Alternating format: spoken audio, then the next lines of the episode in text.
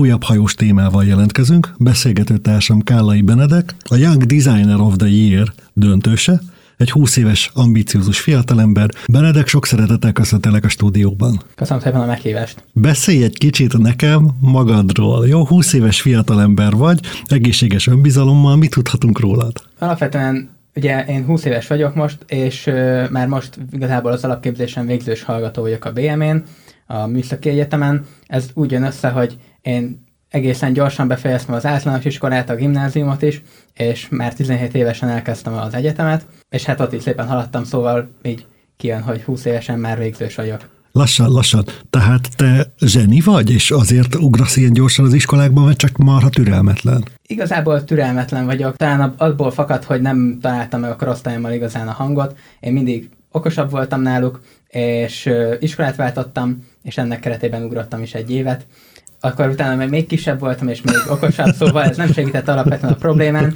de hát az egyetemen, egyetemen már ez nem, nem, nem okozott problémát. Ebben a korosztályban már két év az nem két világ, hanem csak simán két év, mert teljesen jól működik. Mindenképpen jó. Tehát ez azt jelenti, hogy annak ellenére, hogy iskolákat ugrottál, gyakorlatilag minden szinted megvan, és minden tudásod megvan, csak korban vagy érettebb a kortárs. Igen, igen, igen. Mi motivál? Mit szeretnél elérni? Mi szeretnél lenni, hogy a műegyetemen ilyen nagy falatokkal haladt?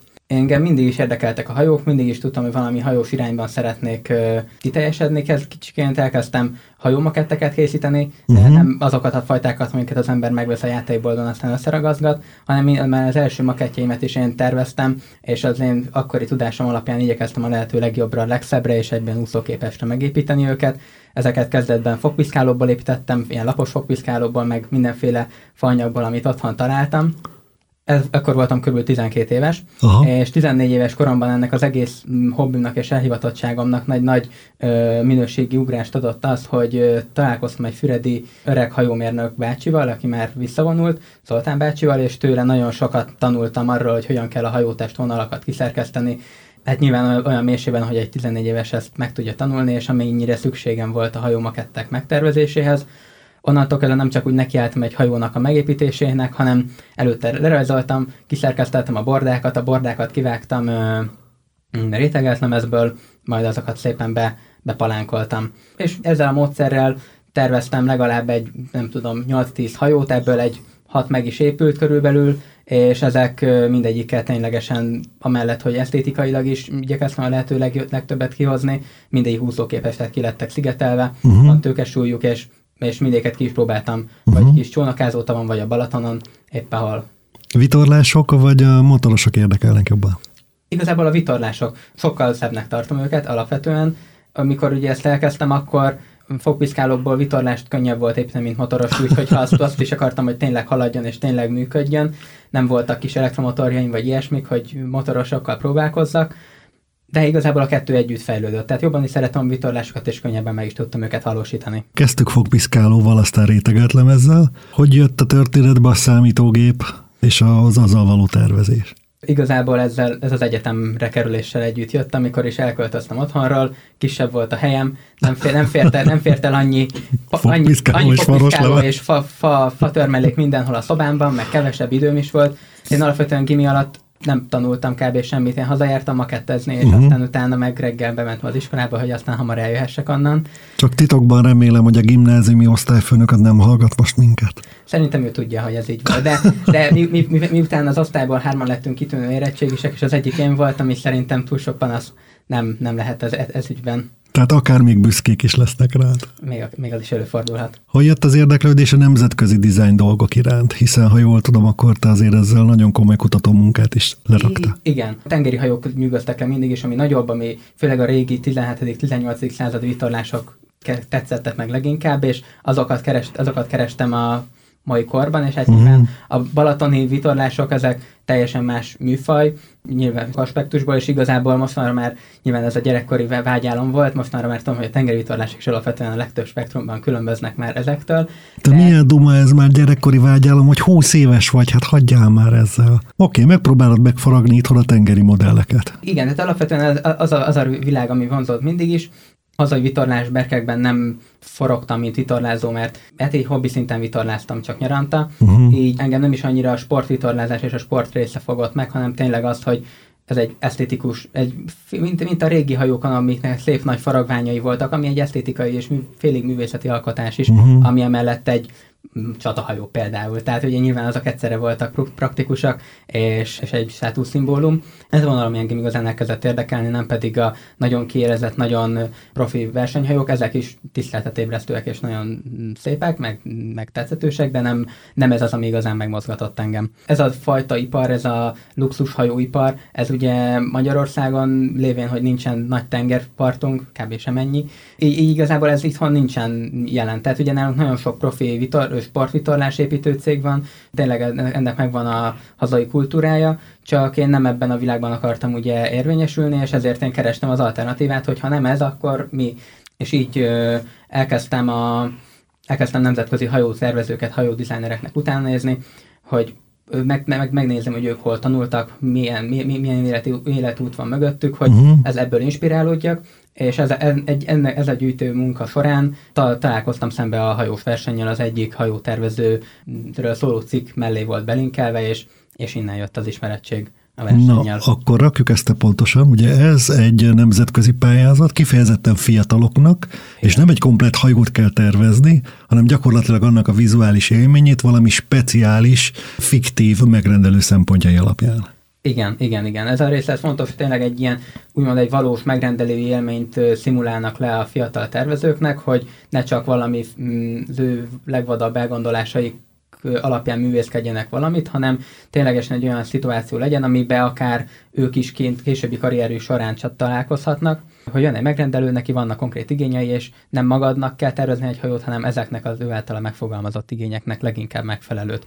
És ahogy mondtad, igen, itt nem a műszaki és hajótest áramlástani számítások és tervezés van elsősorban terítéken, hanem tényleg a, az esztétikus megjelenés, ugye nyilván ezek nagy hajók, tehát 60 méteres, 80 méteres, az ideje egy 88 méteres vitorlás volt. Tehát itt ez ugye ez már egy belső építészet is lényegében, uh-huh. hogy az egyes helységek honnan nyílnak, hova helyezed el úgy a szellőzőket, a géptereket, amiket ugye nyilván nem kell részleteiben megtervezni, de a helyét meg kell jelölt, hogy aztán a gépész beletervezhesse azt, amit bele kell tervezni. Legjobban használják ki a rendelkezésre álló teret, lehetőleg kényelmesebb, legkomfortosabb élményt biztosítsanak, mind ugye az utasoknak, mind pedig ugye a személyzetnek, mert arról nem lehet elfeledkezni, hogy egy ekkora hajón legalább annyi személyzet is él, mint a hány vendég.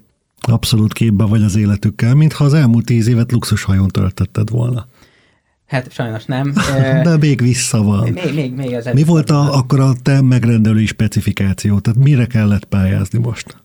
Idén az volt a történet, hogy egy nemzetközi divattervező hölgynek. Tehát egy nőnek terveztél egy nőnek hajót. tervezni, okay. aki egy befutott divattervező, uh-huh. emellett vállalkozó is, mert kis, kiskereskedelmi lánca van, szóval ez volt a háttérsztori. És, Tehát a lelki szemeid előtt akár a Gucci filmnek a női hőse is szerepelhetett Egyébként volna. igen, nagyon hasonló, igen, igen. Okay. Körülbelül az a kaliber. Igen. És neki kellett egy nagyon speciális igények alapján tervezni egy hajót, mert ezt amellett, hogy a tipikus luxushajó funkciójában szerette volna használni, mint pihenés, uh-huh. szórakozás, emellett szeretett volna rá egy egészen tekintélyes méretű tervezőirodát és varró szalont. Emellett az, az is egy fontos része volt, hogy a hajó alkalmas legyen divatbemutatók tartására, hogyha ő befut mondjuk Hongkongba vagy, vagy Londonba, akkor akkor ott, ki tudja, akkor ott tudja fogadni a neves vendégeket, és ott egy teljes értékű divat bemutatót tudjon tartani a, a krémnek az új, új ruha kollekciójából. És akkor hogy kell ezt elképzelni? Lemész alfába, elképzeled, milyen lehet lőnek lenni luxushajón, divattervezőnek, és mekkora méretű tér lenne elég erre a funkciókra? Lényegében igen, alapvetően azzal indult az egész, hogy szépen listába szedtem, hogy mik az elvárások, uh-huh. igyekeztem beleélni magamat a helyzetbe, hogy végig gondolni egy ilyen hajónak a mindennapi működését, hogy milyen azok, mik azok a helységek, amikre így szükség lehet. Például ebből a gondolkozásból jött egy olyan plusz, ami nem volt belerakva a feladatkiírásba, de én gondoltam rá, hogy hát tök jó, hogy van kifutó, de egy divat bemutató az nem csak egy kifutó kell, ahova a modellek kimehetnek, hanem valahol ők nekik fel is kell öltözni. Tehát, egy, egész, tehát ők egy, és, és, és alapvetően az útvonalat is meg kell tervezni, hogy ők hogyan tudnak kényelmesen az öltözőből eljutni a kifutóra és vissza. Jaj, de empatikus é, vagy, de jó. Szó, szóval alapvetően igen, ezt az egészet úgy, úgy végig, végig gondoltam, végig zongoráztam, hogy az hajó uh-huh. egyes részein milyen folyamatok zajlanak, és miután ezek megvoltak, utána elkezdtem rajzolgatni nagyjából alaprajzokat, és igazából a kézzelrajzolást azt egészen hamar átváltottam utána a 3D-re, 3D-ben pakolgattam a helységeket, és, és aztán a végére így szépen egy ilyen iterációs folyamattal összeállt a végeredmény. Abban a szerencsés helyzetben vagyok én, hogy én láttam a pályázati anyagodat. Nagyon nehéz egyébként a rádióban bemutatni, de egy pár szóban írd már le, hogy hogy néz ki, milyen színeket használ, milyen stílusokat. Alapvetően én amellett, hogy egy ilyen, nyilván ez egy modern nő, egy modern formavilágot kellett megragadni, amellett nem akartam egy túlságosan futurisztikus formát adni neki, uh-huh. tehát a klasszikus, elegáns vonal, vonalvezetést igyekeztem szem előtt tartani. Külön kérés volt az, hogy a mivel ő nagyon harsány, szép színes ruhákat szeret hordani, a hajónak a színvilága az ne konkuráljon ezzel, tehát alapvetően ilyen neutrális, olyan szolid színeket használjunk, így a külső szép, szép ilyen gyöngyházas fehér színű, sok mm, sötét, sötétített üveggel ez a külső, és a belső megjelenésben is ezt a reális természetes ö, színeket és hatásokat használtam. Ez az életben is közel áll hozzád ez a stílus? Alapvetően igen, azt tudom mondani, hogy uh-huh. igen. Tehát bele tudtad vinni igen, magadat. Igen, igen. Ezt, ezt szívesebben tudtam ezt tervezni, mintha egy nagyon extravagáns popstárnak kellett volna egy nagyon csiricsáré hajót tervezni, az nem lett volna annyira az én világom, szóval ebben megtaláltam jobban magamat. Igen. Jó, van az a lóvé, miért majd csinálsz van, tíz év múlva csiricsári hajót. Van, okay. és olvastam is hasonló ilyenekről, szóval van, lenne, lenne is inspiráció. és akkor most bekerültél a döntőbe. Igen. Mikor fogjuk megtudni, hogy te vagy a bajnok?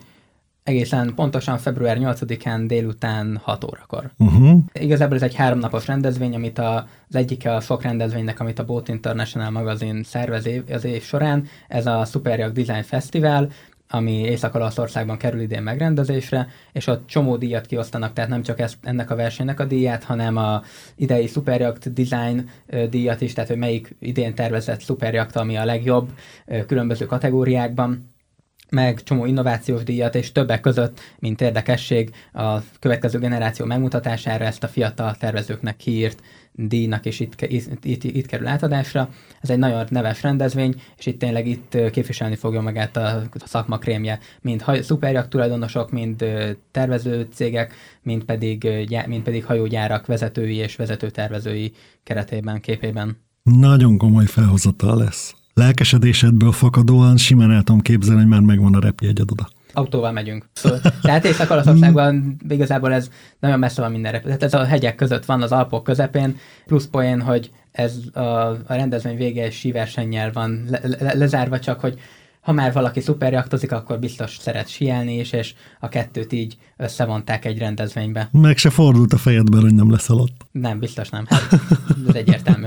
Többes számban mondtad, hogy megyünk, kivel mész? Most a szüleimmel megyek, uh-huh. mert ö, ők is szívesen nyaralnak arra, és egy, nekik is egy kikapcsolódás, és hát így mégiscsak kényelmesebb kijutnom, felajánlották, hogy ne kelljen végigvonatoznom Ausztrián, úgyhogy így, így fogok kijutni. Van jogsid?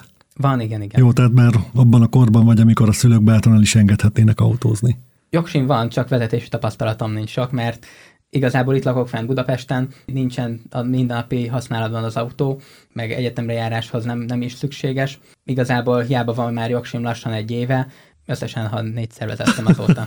Szóval egy hegyi, hegyi utaknak télen nem biztos, hogy neki mernék vágni. Már csak azért sem, mert ha jól tudom, mennyasszonyod is van, és friss babátok is van. Bizony. Bizony, bizony. Kisfiam ő most három hónapos elmúlt mm, december végén. Uh-huh. Csak óvatosan jegyzem meg, mert nekem a saját gyerekeim körülbelül ennyi idősek, mint amennyi te vagy, hogy ez a tempó nem sebes egy kicsit. Hopp, letudtam az iskolákat, hopp, Budapesten vagyok, 20 éves vagyok, Young Designer of the Day pályázat, döntőibe vagyok, egyébként mennyasszonyom is van, babám is van. Mi lesz, mit csinálsz 30 évesen?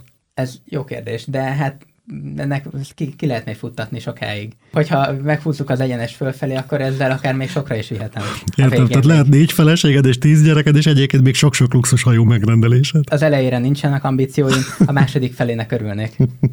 Tényleg beszélgetnénk egy pár év múlva, mivel lennél elégedett, milyen célelérésekkel? Gondolom az egyetemet azért csak befejezed. Be fogom fejezni, Aha. hát igazából csak egy a tavaszi fél évben egy szakdolgozatírás van már csak hátra. Oké, okay. tehát egyetemet befejezed. Ez, ez, ez, ez egyértelműen Jó. biztos. Következő cél az az, hogy egy szakmailag elismert céghez kikerülhessek gyakornoknak, mert nagyon szép, nagyon jó dolog, hogy én nekem van egy ilyen díjeredményem, de alapvetően se nem hajómérnöknek nem tanultam, hanem úgymond termék és formatervezőnek, uh-huh. és hiába vannak mérnöki alapjaim, azért megvan az alapvető szerénységem is, és tudom, hogy nekem még sokat kell tanulnom ahhoz, hogy ténylegesen minden aspektusát, ami eznek a feladatkörnek vele járója, azt tudja egyedül is csinálni.